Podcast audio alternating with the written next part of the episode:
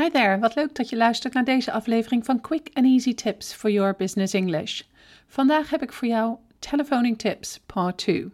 Mijn naam is Anneke Drijver van Improve Your Business English en de auteur van het boek Master Your Business English Communicate with Power in 7 Simple Steps. Ik help jou als ondernemer of doelgerichte professional van je middelbare school Engels af, zodat je ook internationaal met impact en vol zelfvertrouwen in het Engels kunt communiceren. Maar bovenal volledig jezelf kunt zijn.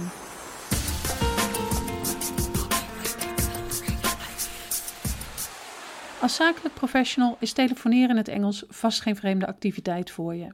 Zoals ik in de vorige podcast heb besproken, is het niet verkeerd om je bewustzijn rondom telefoneren te vergroten. Door rekening te houden met een aantal zaken kun je er namelijk voor zorgen dat een telefoongesprek nog prettiger wordt voor jou en degene waarmee je telefoneert. Door je communicatie te verbeteren zorg je er tevens voor dat je professioneler overkomt. Eerst een korte recap. Tijdens de vorige podcast heb ik je verteld dat het zelfs voordat je opneemt belangrijk is om prompt te zijn door de telefoon niet te vaak over te laten gaan. Daarnaast is het belangrijk om het gesprek te voeren met een glimlach en is het voordelig om net zo om te gaan met een telefoongesprek alsof je face-to-face met diegene zit. Daarnaast heb ik je verteld dat je een driedelige opening kunt onthouden om in een telefoongesprek op een goede en professionele manier te beginnen. Greet, identify en offer. En zorg ervoor dat je de volle focus op het telefoongesprek hebt. Dit betekent dat je niet met andere zaken bezig bent, maar je volledig concentreert op diegene waarmee je aan het telefoneren bent.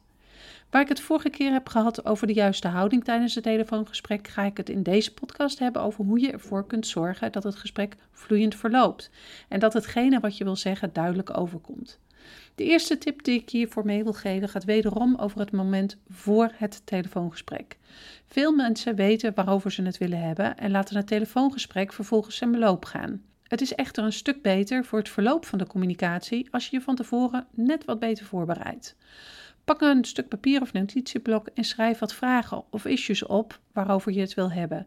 Zet ze op een logische volgorde, zodat je tijdens het telefoongesprek ook weet waar je het beste als eerste kunt vragen, zodat je niet van onderwerp op onderwerp springt. Zo zorg je er niet alleen voor dat het gesprek duidelijk en logisch is opgebouwd, je verkleint ook de kans dat je iets vergeet te vragen of te zeggen. Maar als je ertoe in staat bent om de informatie duidelijk over te brengen, ben je pas op de helft. Het is namelijk ook belangrijk om zeker te weten dat je goed hebt begrepen wat diegene waarmee je telefoneert zegt. Om dit te vergemakkelijken is het belangrijk om informatie te bevestigen. Dit kun je bijvoorbeeld doen door te herhalen wat iemand zegt. Als iemand je bijvoorbeeld vertelt: I will schedule our appointment at 11:30, kun je de informatie bevestigen door te zeggen: Right, 11:30. Hiermee check je dus impliciet of je de informatie goed begrepen of verstaan hebt. Een andere manier om dat te doen is door de informatie in een vraagzin op een andere manier te herhalen.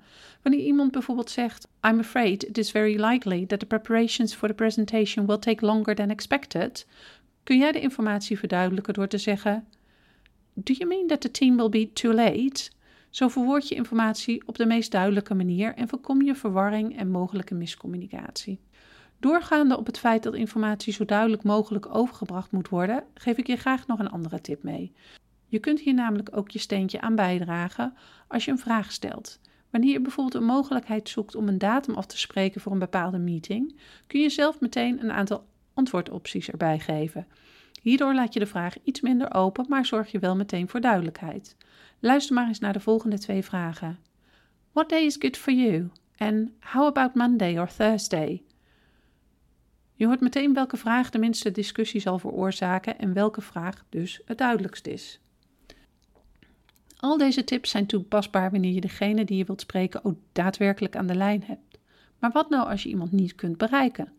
Met name wanneer je een belangrijke boodschap hebt, is het belangrijk om niet zomaar op te hangen, maar om een bericht achter te laten. Vergeet hierbij niet om alle informatie te geven. Dat is niet alleen de informatie die je wilt overbrengen, maar tevens je naam, bedrijf en zelfs je telefoonnummer. Luister maar eens naar het volgende voorbeeld. Good morning, this is Jane from Mac Co speaking. I tried to reach you because I wanted to schedule an appointment for our next meeting. I'd like to meet you on Wednesday or Friday next week. Could you get back to me as soon as possible? You can reach me at, and then your phone number. Have a good day. De conclusie van deze podcast is dat duidelijke communicatie key is. Wanneer communicatie niet duidelijk is, verlies je tijd en energie. Dat is zonde, want met een beetje voorbereiding kan het juist erg makkelijk zijn om een duidelijk en professioneel telefoongesprek te voeren. Nog één tip om mee af te sluiten. Denk bij de afronding van een telefoongesprek ook aan een korte samenvatting waarin je alle informatie bevestigt die besproken is tijdens het telefoongesprek. De wat, waar, wanneer, hoe en alle andere acties die daarbij komen kijken. Ben je benieuwd naar handige voorbeeldzinnen die je kunt toepassen in een Engels telefoongesprek? Lees dan onze blog Business English Telephone Phrases eens. De link naar deze blog heb ik in de beschrijving van deze podcast op de site gezet. Heb je andere vragen of opmerkingen over het voeren van een zakelijk Engels telefoongesprek? Laat het ons weten. Als je deze aflevering hebt geluisterd, zou ik het enorm op prijs stellen als je een review voor ons zou willen schrijven op SoundCloud of iTunes. Dit helpt anderen weer om onze podcast te vinden en daarmee hun Engels te verbeteren. See you next time met quick and easy tips for your business English.